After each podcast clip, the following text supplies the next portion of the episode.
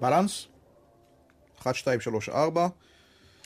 בוקר טוב, מה שלומכם? בסדר גמור. אגב, אתה, אתה במוסד, אתה, אתה מורה? אתה לימדת? אתה מלמד? לא. אפשר ללמד רדיו בכלל? אנחנו כבר בהקלטה? כן. אה. אה, בטח שאפשר ללמד רדיו. מה מלמדים? מה, מה, מה, שיעור ראשון.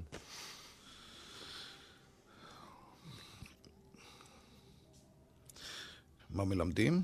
כן, שיעור למשל עברית, שבתחנה שלנו היא בלתי מתקבלת על הדעת. באופן... אה, ומחוץ לתחנה היא מתקבלת? לא. למה זה? כי החבר'ה לא קוראים ספרים. נכון. החבר'ה רואים טלוויזיה, והשפה היא שפה נמוכה, כלומר, זה שחלק מה... משפת הרחוב נכנס לתוך הרדיו זה בסדר, אבל uh, חלק בא מתוך איזה סוג של בורות, לא מסוג של להעשיר את השפה בשפת רחוב. Uh, ולמשל, לדבר על עברית, לדבר על זה שקריינית בגלגלצ לא יכולה להגיד שדרך משה סאנה תהיה פקוקה, מה שקרה לפני כמה חודשים ונורא עצבן אותי.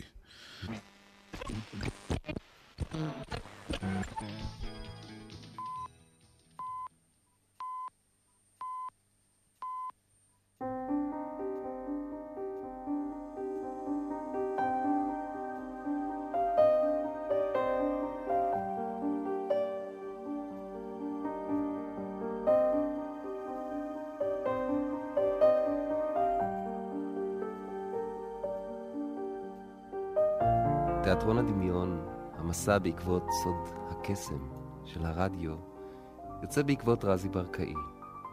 קול שפרץ בעידן שבו השתנו הפרמטרים. כבר לא היית צריך להישמע כמו קריין, אלא בן אדם, מלא סקרנות, מלא אישיות, הקורנת מבעד למיקרופון. רזי כאילו נמלט מאיזו זעקה שתוקה, הוא תזזיתי, משהו דחוף לו, בוער לו, הוא מחפש, הוא מחטט בקדחתנות. אחרי דבר שאין לו שם, אבל ישנן לו נסיבות, והוא אוסף אותן אל התרמיל הארץ-ישראלי המרוט שתמיד איתו, שעליו תמיד שומר, שעליו לא מוותר, כמו על נעלי הצנחן האדומות שבבוידם, כמו הסנטימנטים שבלב. רזי משלח את עצמו כל בוקר אל מחוזות הרעש והקושי, מדבר עם האחראים, עם הממונים, לא כועס עליהם, לא מקדש אותם, מנסה לארגן את הכאבים, ממיין, לפחות שיהיה קצת מסודר יותר, לשעה קלה, לעוד בוקר אחד. הוא יושב מולי קצת נזהר, קצת חושד, הוא לא מתמסר בקלות, לא נוטה להיסחף, תמיד בשליטה. האולפן זה המגרש שלו, אבל גם המגרש שלי. אין שריקה, אבל יש פתיחה. אני מחפש דרך אליו. הוא מאוד שונה ממני, אבל שנינו אוהבים את העברית, את הרדיו. שנינו מחפשים את השבט שלנו, המשותף, האבוד.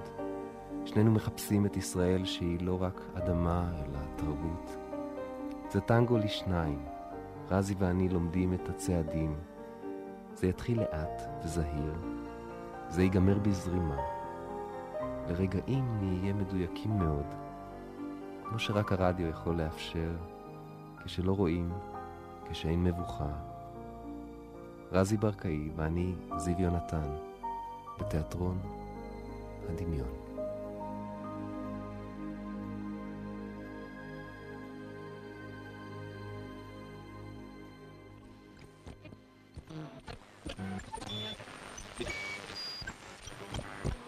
פעם היה אפשר ללמוד עברית ברדיו. בעצם הרדיו היה כלי כן, יסודי ל... ל... ל... כן. פעם הרדיו היה מדורת השבט, מדורת השבט. אבל אה, אז בשבט, ה- ב- בשבט ההוטנטוטי הזה עכשיו, מה, איפה, איזה, איזה... אין שבט היום. איזה קול אתה? אה, יש פרודות מרחפות, ריצודים. אה, תת שבטים, תת תרבויות, תת קבוצות, ולאן אתה שייך? ל... לקבוצה של קוראי הארץ. כלומר, אם אתה רוצה סטיגמה שאני אשים עליי, כן. הקבוצה של קוראי הארץ. כל פעם שאני פותח את עיתון הארץ בבוקר, העמוד הראשון שאני מסתכל עליו זה מודעות האבל. מי מאנשיי בשבט שנותר אה, הלך. אז אה, זו הקבוצה שלי, שהיא קבוצה שהולכת ונעשית מיעוט. אז בוא נמשיך אולי עם השיעור שלנו. תראה, החבר'ה, נגיד קבוצת, אני עושה מדי פעם, אה, אני נותן שיעורים בקד"צ, שזה הקורס הקדם צבאי בגלי צה"ל. חבר'ה שבגיל 17-18 שבאים ורוצים להיות עיתונאים. ואני מדבר איתם על מה זה שידור רדיו נכון, מה זו כתבת רדיו טובה, מה המקום של המגיש, קו נטוי כתב, קו נטוי עורך, בכל הקומפלקס הזה. איך להצניע את המקום שלו ולא להבליט אותו. איך לספר סיפור. בעצם, אחרי שאמרנו את כל מה שאמרנו, שהעברית תהיה טובה והאינפורמציה תהיה אמינה וזה, איך, איך תספר סיפור? בלי שתשעמם, בלי שתעריך, בלי שתנדנד, ויחד עם זה, אה, בתוך הסיפור הזה תביא את האינפורמציה הרלוונטית. וזה בעצם מה שהייתי, לו הייתי מלמד, זה מה שהייתי עושה, או מנסה לעשות.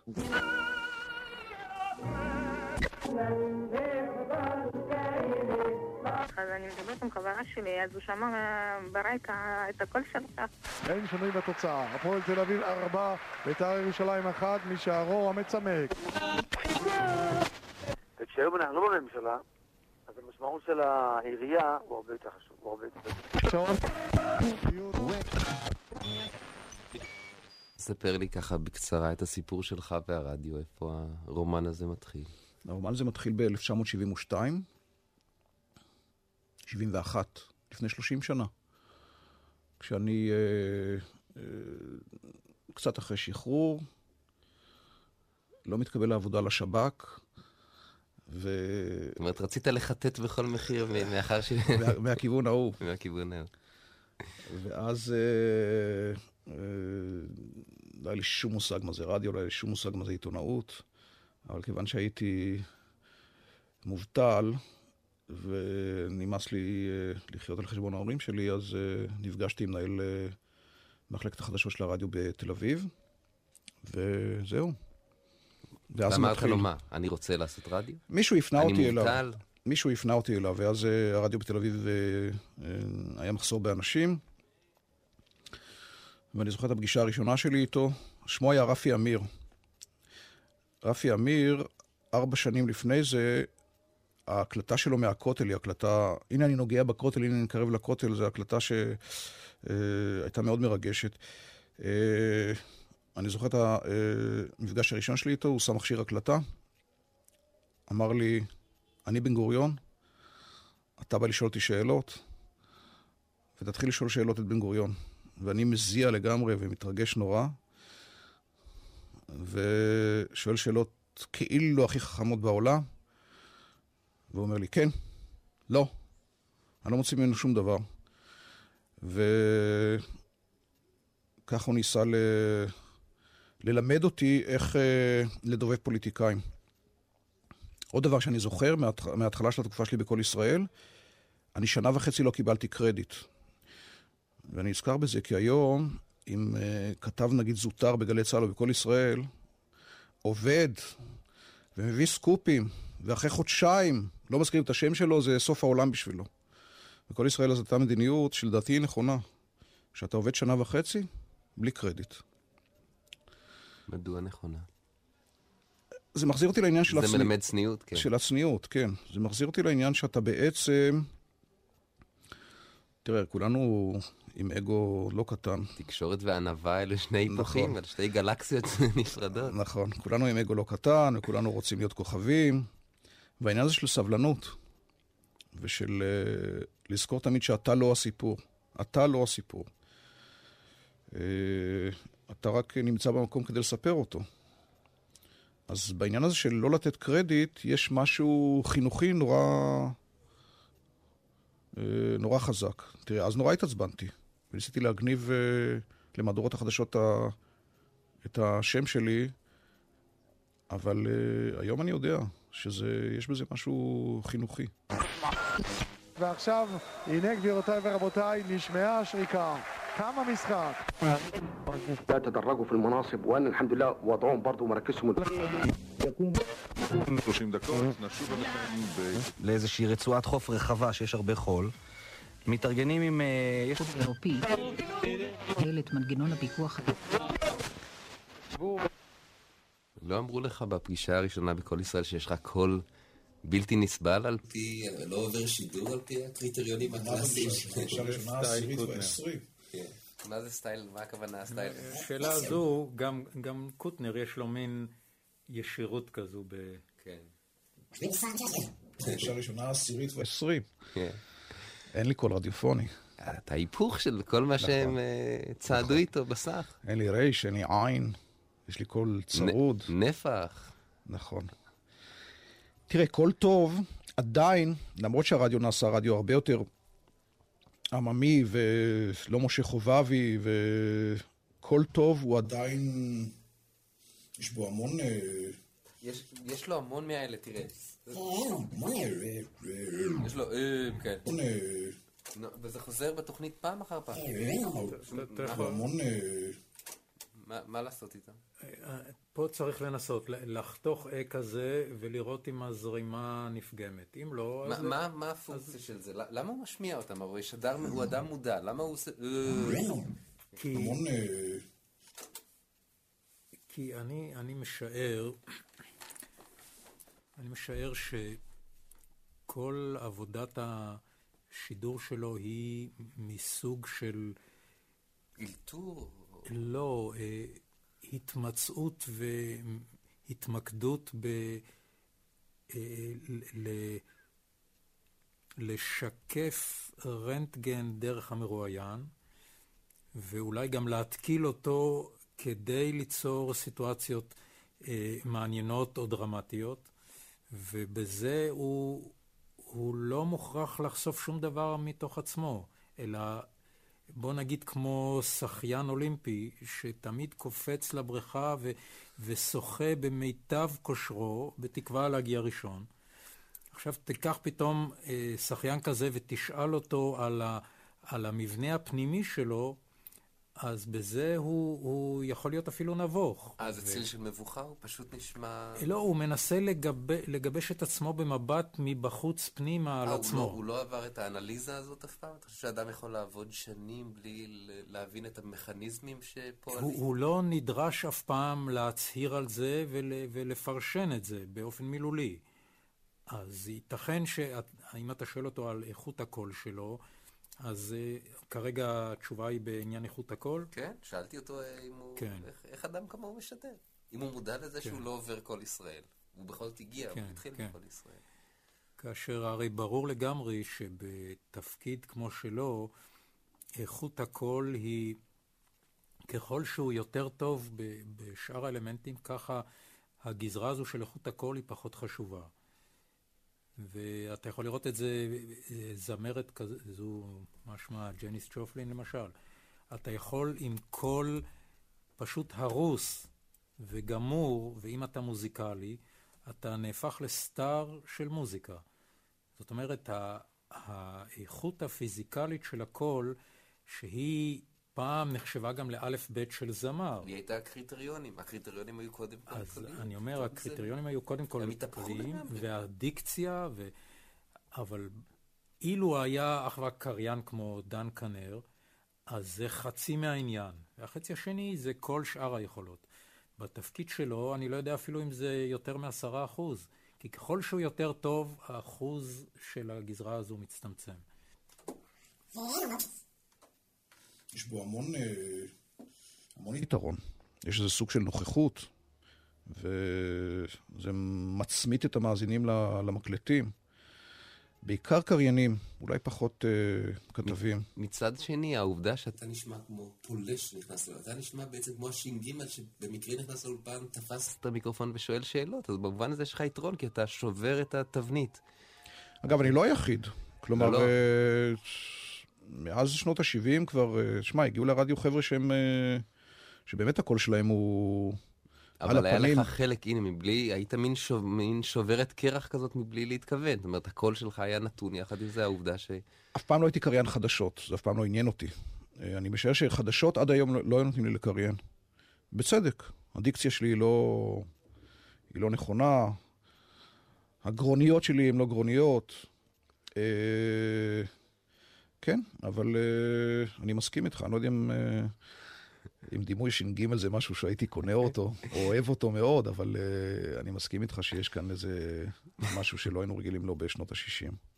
לא היה לי שום מושג מה זה רדיו, לא היה לי שום מושג מה זה עיתונאות, אבל כיוון שהייתי מובטל. אהלן, בוקר טוב, מה שלומך? אה, אם זה לא דחוף, אז אני אחזור עוד כמה דקות, כי אני מקשיבה לרזי ברדיו, אז אני רוצה עוד כמה רגעים, טוב? מישהו הפנה אותי אליו. אפרופו אנשי התקשורת או הקבוצות או השבטים, או תת-השבטים, אחת התופעות היא שאנשי תקשורת זוכים, אני לא יודע אם הם מוגדרים מבפנים, זו הגדרה קוהרנטית, אבל מבחוץ, כאשר רוצים אה, לקלס אותם, הם תמיד אתם אנשי התקשורת. אה, אבל בסופו של דבר, אפילו במעגל רחב, יש, יש קבוצה כזאת, שקבוצה אחת שבורחת מאותה, מאותו דבר, או מחפשת, או יש לה איזה דחף, או איזו מוטיבציה משותפים. לעמוד על ארגז אם אתה רוצה, לפתוח מיקרופון. אבל אתה רואה משהו שאחרים לא רואים? זה חלק מהמוטיבציה הזאת? לא, לדעתי לא. תשמע, ההתחלה שלי באמת הייתה מקרית. כלומר, הכל זה ניתוח היום לאחר מעשה. ההתחלה שלי הייתה פשוט למצוא עבודה. אני לא... דן מרגלית, ידיד שלי, מספר שמגיל... הדבר הראשון שהוא קרא כשהוא היה ילד זה היה את העולם הזה. הוא לא היה קורא ספרים, הוא, לא... היה קורא את העולם הזה. וכל מה שעניין אותו זה להיפגש עם אורי אבנרי כדי שיסכים לקבל אותו לעולם הזה. זה היה חלום חייו. לא טייס, לא רופא, לא פיזיקאי. לי לא היה חלום כזה. מה היית? עד היום אין לי חלום כזה, לדעתי. אז מה היית? אם אתה אני לא... שם. אם לא היית שם. ברדיו, מה היית עושה? לשב"כ לא קיבלו אותך, מה, מה... למי היית מציץ? תראה, מן הסתם, אם אני שם 30 שנה, אז uh, יש, יש לזה כוח גדול. ו, ויש לי הרגשה ש, שיש לי כוח בידיים. וזה גם מעניין אותי. זה עדיין מעניין אותי, אני לא רוצה להגיד כמו נגיד השידור הראשון או כמו האהבה הראשונה, אבל זה עדיין מאוד מאוד מרתק אותי חדשות. אה, חלק מהעניין זה הפיוזים הקצרים שלי. כלומר, אני לא חושב שהייתי יכול לעשות תוכנית, סדרה של עשרה פרקים או של עשרים פרקים. אני צריך משהו שמתחיל ונגמר מהר. ו... והאייטם שלפני שעה לא מעניין כבר אף אחד. הוא בעיקר לא מעניין כבר אותי. יאללה, הלאה, ולהיות להתקדם. מין מטחנת בשר כזאת, זה לא מתסכל קצת? לטחון חומרים שמתכלים כל כך מהר? לא אותי. אתה לא רוצה להישאר כמו הסופרים שאתה קורא את ספריהם, ככה להשאיר משהו שיהדהד יותר זמן? תראה, יכול להיות שאני רוצה ואני לא יכול. אה, אני הרבה פעמים חשבתי ביני לבין עצמי למה אני לא כותב. למה אני מדבר, אפילו לא כתיבה של ספרים. למה אני לא כותב בעיתונות כתובה? זה משעמם אותי. אה, בעצם התארכות התהליך גורמת נכון, נכון. להתעייפות מה... חזרה לעניין של הפיוזים הקצרים. הלאה, הלאה, אוקיי, אייטם, נגמר. מה עכשיו? ו... והכתיבה, יש בה משהו יותר, אה, במובן מסוים יותר היסטורי נגיד, או יותר מתארך, או יותר... אה, חוץ מזה, מילה כתובה היא משהו נורא מאיים בעיניי. בגלל הקביעות שלה, היא בגלל ההשתנות שמחר שלה. יכולים ללכת לארכיון ו- ורואים את זה. אתה פוחד וזה לשגות? קיים. נו. וזה... זה, יש בזה משהו נורא מחייב. הדיבור, יש בו, מעצם טבעו, משהו יותר קליל, יותר עובר. אה, אני חושב שזה גם כן סיבה למה אני לא כותב. אבל מי יודע? רק אין משרון דברים ש... שאדם אה, שלא שומע תורה ומצוות אה, פגע בציבור ה... עכשיו... אה,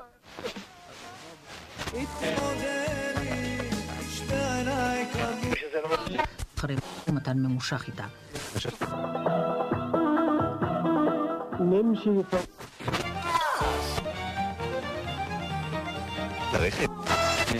ואם אתה, רזי ברקאי, היית מתייצב אצל רופא מחר בבוקר, והוא אומר לך, אדון ברקאי, מיתרי הקול שלך צריכים לנוח שנה, אסור לך אגב, אמרו לי זה לדבר. כבר כמה פעמים.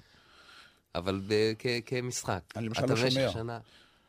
אני יושב. באולפן, אני יושב עם אוזניות אה, בפול ווליום, והטכנאי בגלי צה"ל גם צריך להתקין לי אוזניות מיוחדות, כי אני התחרשתי במהלך השנים, מרוב זה שאני יושב עם אוזניות. אז אה, יכול להיות שמחר בבוקר כבר... אה, אני לא... אז אני אהיה עורך חדשות.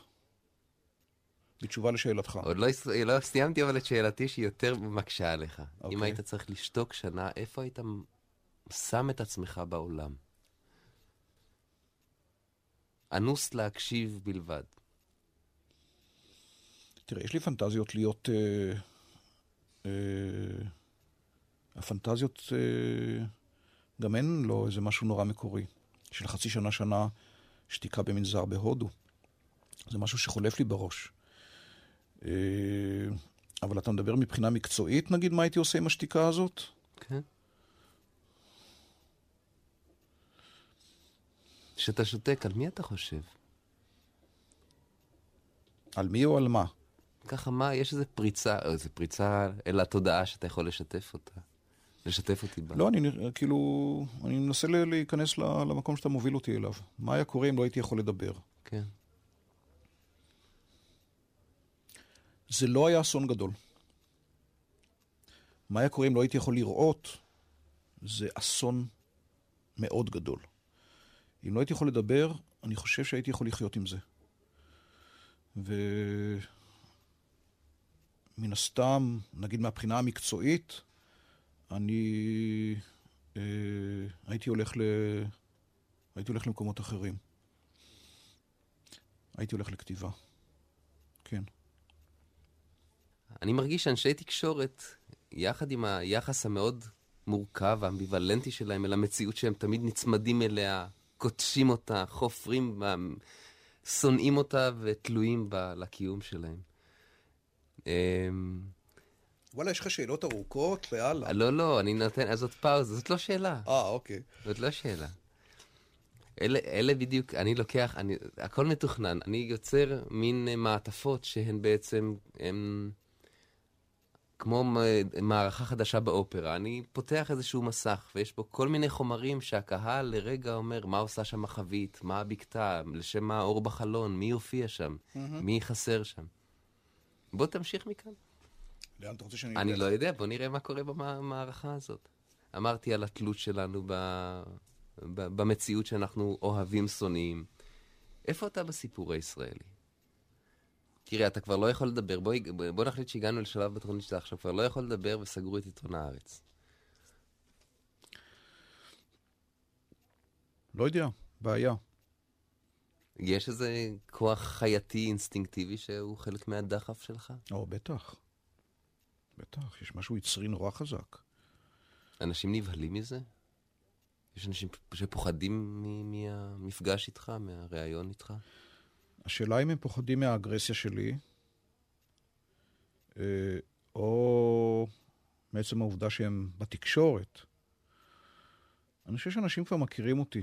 אה, אני מתאר לעצמי שיש מרואיינים שפחות טוב להם איתי, אה, מסיבות כאלה ואחרות, אבל לא, אני לא חושב שאנשים פוחדים ממני.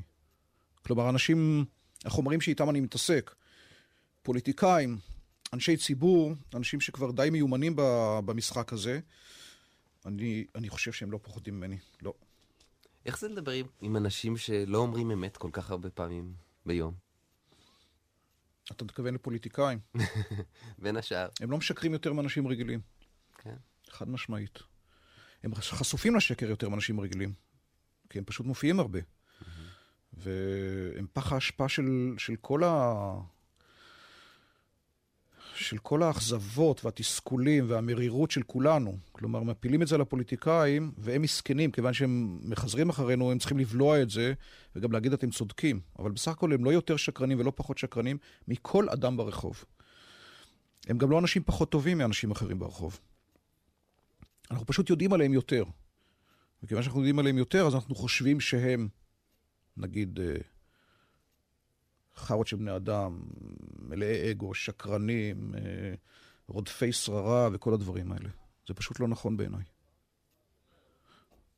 נצא מכאן מהאולפן, נלך ברחוב, לא נפגוש שם אנשים יותר טובים או פחות טובים. אז זה מין שעירים לעזאזל בעצם. זה הפוליטיקאים? כן. כן. חד משמעית. מתי היו בחירות? כל שנתיים. לא כל שנתיים, הבחירות האחרונות.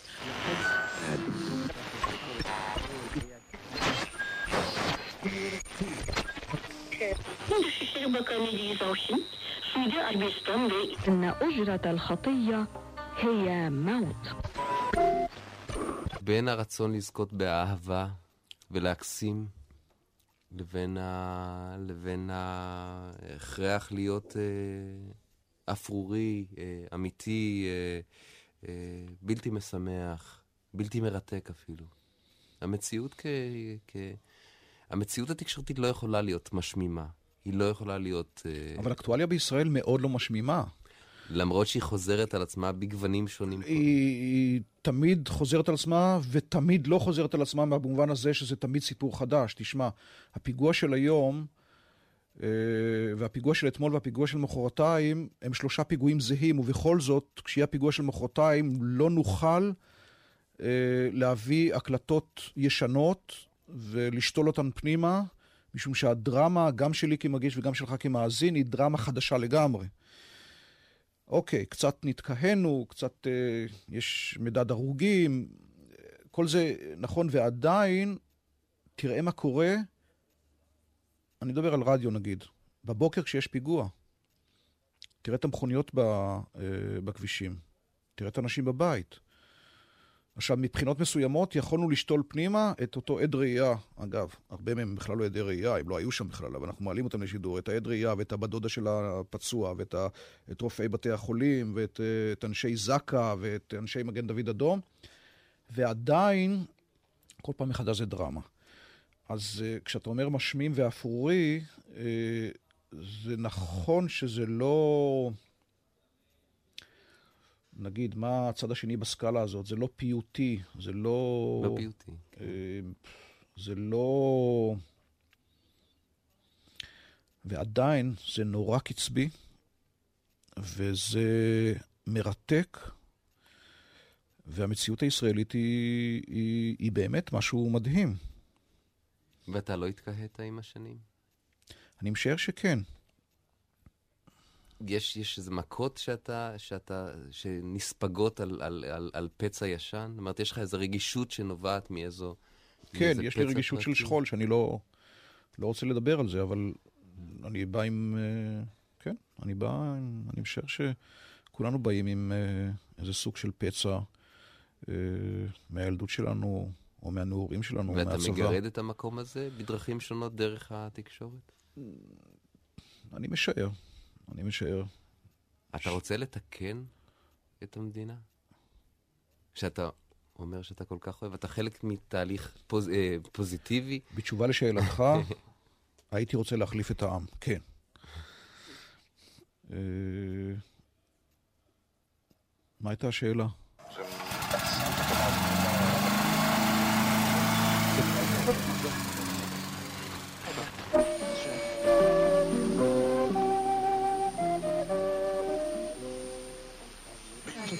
Has said that coalition forces have taken custody of the Iraqi.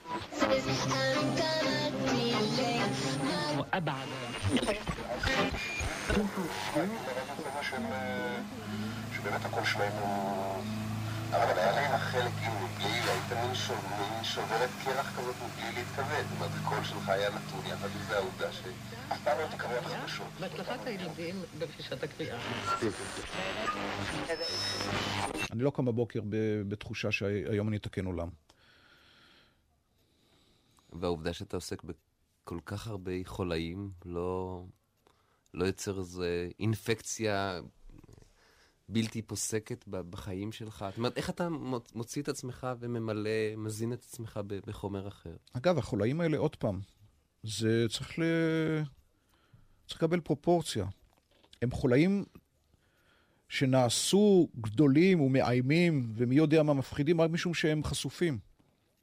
אבל אתה חלק מהאמפליפיקציה הזאת. ש... נכון.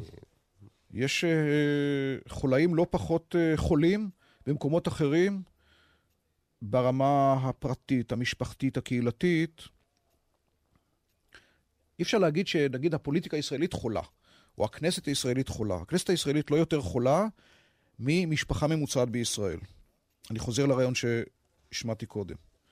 יש בכנסת הישראלית כל היצרים, כל הקנאות, כל השנאות שיש במשפחה ממוצעת בישראל. בביטוי רע משפחה ממוצעת. משפחה ישראלית. בוא נעשה תיבת נוח. פתאום חשבתי. אני, אני אוהב שבור לב של הארץ הזאת, אבל כיוון ש... שאין דבר שלם יותר מלב שבור, למדתי, למדתי עם זה לחיות דווקא. אני אוהב את הסדקים האלה, כי יש מקום שם הרבה מקום ל- ל- לדברים אחרים להיכנס. וגם לב שבור, אם הוא רק סדוק, הוא, יש, הוא, הוא, הוא, הוא מתרחב. ואני הייתי רוצה לעשות איזה תיבת נוח כזאת. בא עלינו מבול. מה, מה, מה היית מציל מתוך, ה, מתוך, ה, מתוך האי הקטן שלנו? מה, מה- את מי קודם כל היית מהבחינה? נגיד הישראלית, לא מהבחינה המשפחתית הקרובה. לא, לא, לא, לא, ודאי ש... כאילו, מה... על מה, על מה לא, לא, לא היית מוותר? שאלה... אחלה שאלה.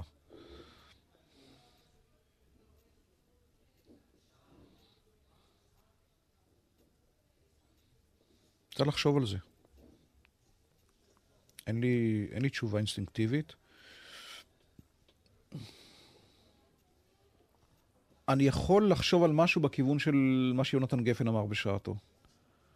אני שונא את המדינה ואוהב את הפלוגה. לא הייתי מוותר על חברים קרובים שלי.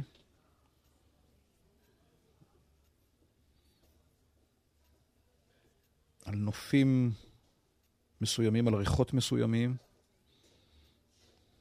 לא הייתי מוותר על חלק מהקיבוצים. למה? למה? אה, סוג של נוסטלגיה. אבל ב... במחשבה שלי, אה, נגיד ודיות שניווטתי בהן, בהן בצבא, אה, על נעלי הצנחנים שלי לא הייתי מוותר. למרות שהם כבר אה, בבוידם איזה 15 שנה בלי שימוש. היה בעבור מה להילחם שכיום לא קיים? הייתה זו מוטיבציה אחרת? תראה, הכל השתנה ב-67. לפני 67 היה אינטימי, מסריח, קטן. כולנו היינו בתוך, אה, אחד בתוך השני. קרו דברים, זה לא רק הכיבוש. אה, הייתה ישראל הרבה יותר אה, שבטית אחת. אה, אולי היו כאן שבטים אחרים שאפילו מתוך סוג של התנשאות או עיוורון לא הבחנו בהם. אבל בזיכרון שלי הייתה ישראל אחת. אז כן, היה בשביל מה להילחם. אני באתי ממשפחה שרק האמינו במילים.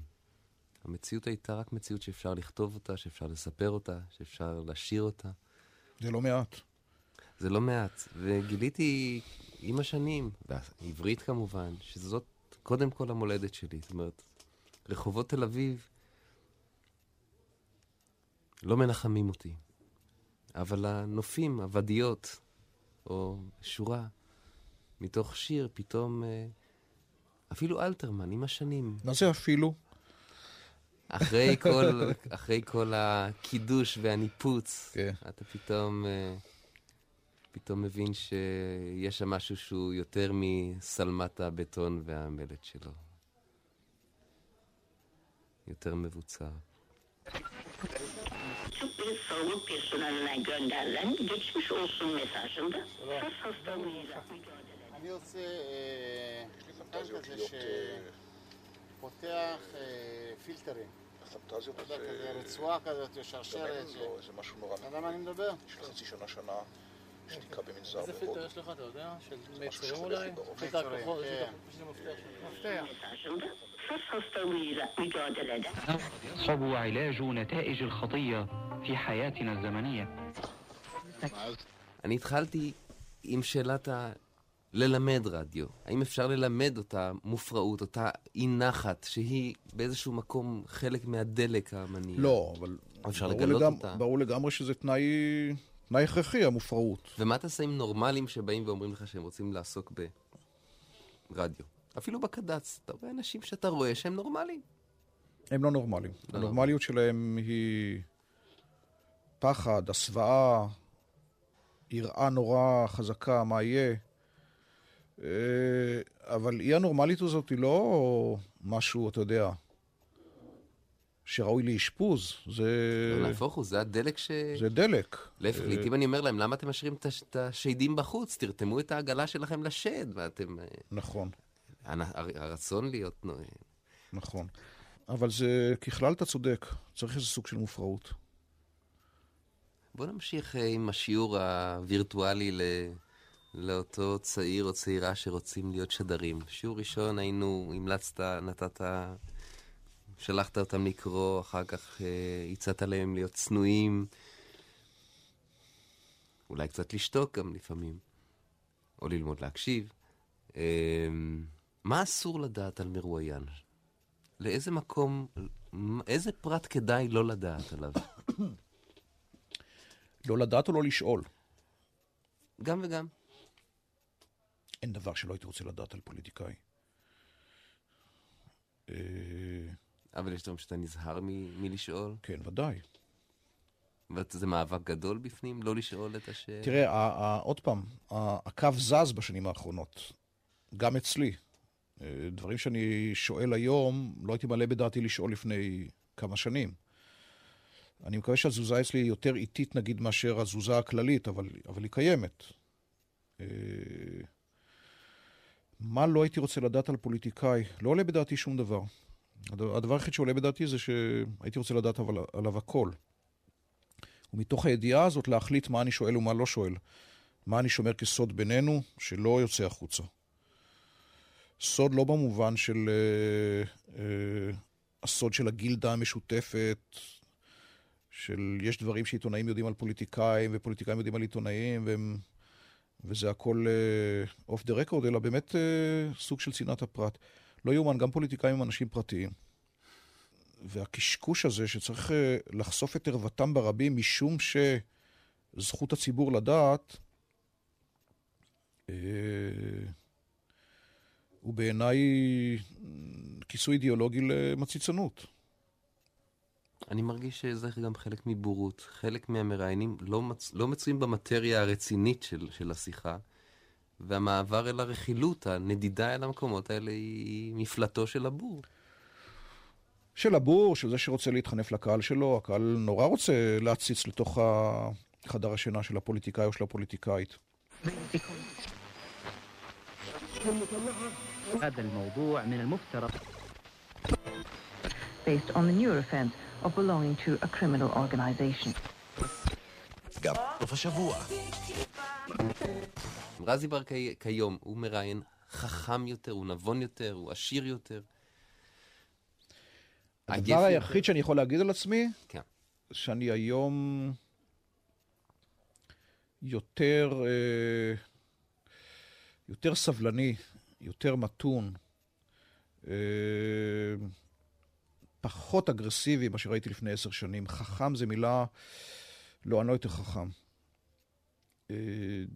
פשוט הניסיון נותן לי איזה סוג של פרספקטיבה שלא היה לי, או לא היה לי מספיק לפני עשר שנים, ודאי לא לפני עשרים שנה. אם אני צומח, זאת שאלה מצוינת, כי צומח זה אומר, אין לי עניין, נגיד, בניהול. זה משהו שממש לא מעניין אותי, ולכן uh, הצמיחה שלי תיעצר בשידור. היא לא תלך לתפקידי ניהול. Uh, אז מהבחינה הזאת אני לא צומח, אני, אני באותו מקום שהייתי לפני עשר שנים. אני חושב שיש לי ראיות קצת אחרות, גם על שידור, גם על, גם על המרואיינים שלי, גם על עצמי. אם זאת צמיחה, אין לי מושג. כמה ממך נכנס לרדיו, שאתה פותח את דלת האולפן בבוקר? מעט מאוד. ש... מעט מאוד. אני חושב שגם המעט הזה הוא די הרבה, אבל בסך הכל, נגיד, ממה שאני מכיר את עצמי, אני, אני בסוג הזה של הרדיו, גם כשאני מדבר איתך עכשיו, יש דברים שלא נכנסים.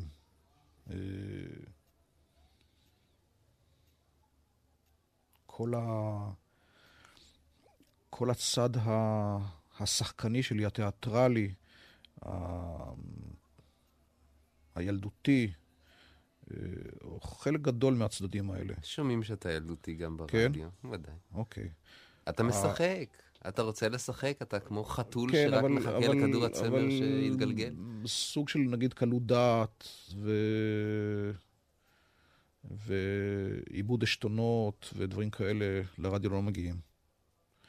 אני משער שמעט מכל דבר אה, מגיע. והרדיו שלך הוא באמת אישי? אתה, אתה בעצם אה, שות... אה, אתה, אתה בחירה מתאימה לסדרה על רדיו אישי? זאת אומרת, אתה, אתה, אתה עושה רדיו אישי בעצם? בתוך המסגרות אני לא הפורמליות? יודע מה זה. מה זה רדיו אישי? זה מה שאני מחפש. סוג של, אה, של דיבור רך. בזה אתה בוודאי לא עונה, הקריטריון הזה אתה לא עונה. לא. רדיו אישי זה רדיו שאולי מאופיין על ידי שאישיותו של האדם שעושה או משדר אה, היא מאוד דומיננטית. השידור נצבע בצבעים שלו באופן מאוד מאוד אה, מובהק. זה רדיו שסדר היום של התוכ... סדר, ה- סדר היום בתוכנית הוא סדר יום ש... של המגיש. כן. אני יכול לראות ש- שאני עושה רדיו, ג- אם, זאת ההגדרה של רדיו אישי, אני יכול לראות, אה, כן, אני יכול לראות את עצמי עושה גם רדיו כזה, אה, ו, ולא רק. אה, זה מחזיר אותנו לשאלה של מה חשוב, מה מעניין ו- וכל הדברים האלה, אבל אה, אני... אה, תראה, אני נמלט. הבחירה באקטואליה היא סוג של הימלטות, כלומר, זה לא לגעת באישי, או לגעת באישי באופנים מאוד מאוד אה, מסוימים. אה, יש אירועים ביטחוניים, כלכליים, תרבותיים, חברתיים, וכאילו לגעת בהם זה לברוח מנגיעות אישיות.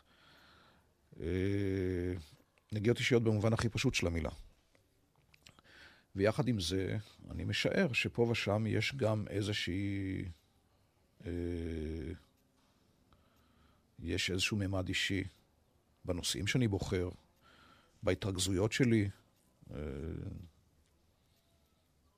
מה יותר אה, מחמם אותי, מה יותר מדליק אותי, מה יותר מכבה אותי. כן, אני חושב שזה... זה בא לידי ביטוי.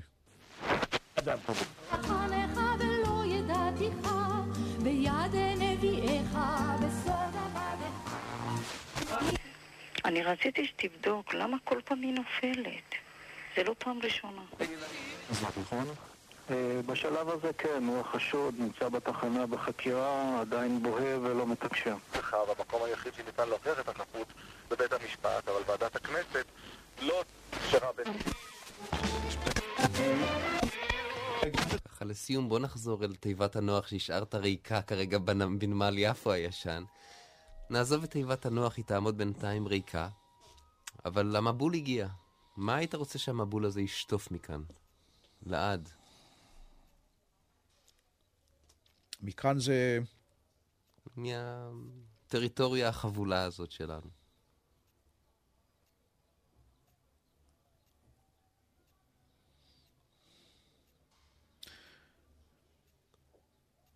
את הבריונים שצועקים השופט בן זונה, ושנוהמים את הנהמות שלהם בכדורגל אה,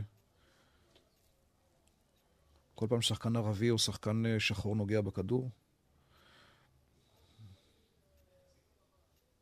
את התחמנים. נגיד, אם יש תכונה מקומית שאני לא סובל, זה התחמנים. אלה שתמיד... דיברת על חוסר יושר וזה. זה, התחמנות היא תכונה לאו דווקא של הפוליטיקאי הישראלי. היא... כאילו מילה זה לא מילה. אותם הייתי שוטף. אה, אם יום אחד אה, נעשה מהחיים קצת ספרות, הייתי מגיע לבית שלך והיה כתוב, הייתי מוצא שלט, היינו קובעים פגישה. המשך הריאיון. הייתי בא, ואז הייתי מוצא פתק על הדלת. רזי הלך לחפש. שלוש נקודות. כאיזה מש- שורה כזאת מטאפורית על החיפוש שלך בכלל או ברדיו. מה, מה, איפה הייתי צריך לחפש אותך? מה הלכת לחפש? או בחוג למתמטיקה באוניברסיטה. פנטזיה ישנה שלי. לעזוב הכל וללמוד מתמטיקה. למה? כי... מה מסתתר שם בשליטה? לא. המשהו העירום, אפרופו דברים, הדברים הנכונים כאילו, שם אין שקרים. הכי קריסטלי, הכי עירום, מופשט מכל... אה, זה יפה בעיניי. ואם היית יודע לכתוב שיר,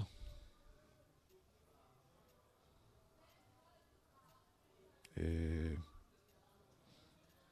אז גם שם היית מוצא אותי. על מה היית כותב את השיר?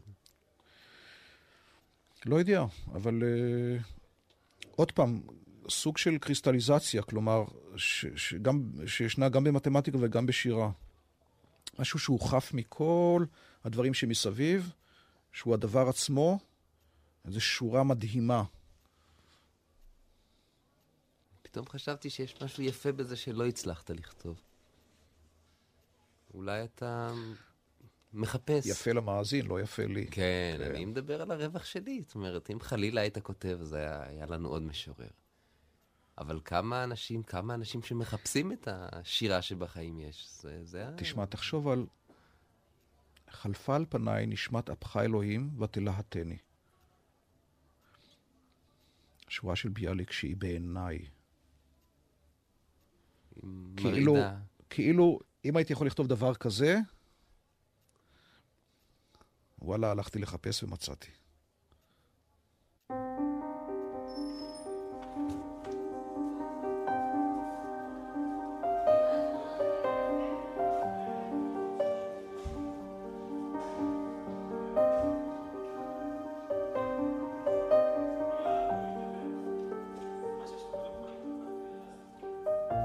רזי ואני יוצאים אל המסדרון.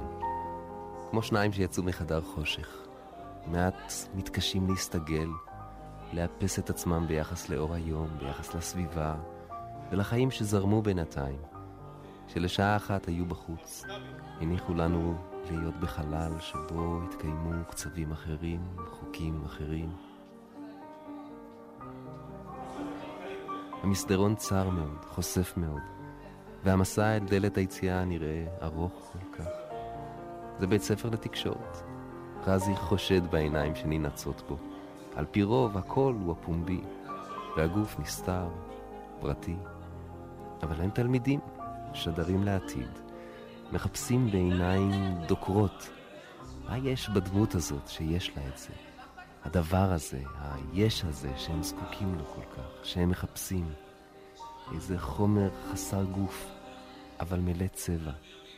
אולי אנרגיה. ואני נשאר עם התהייה ועם החיפוש שלי אחר סוד הקסם של הרדיו, והאנשים שעושים בו כישוף, שעושים אותו לתיאטרון הדמיון. אני זיו יונתן, שלום, ולהישמע.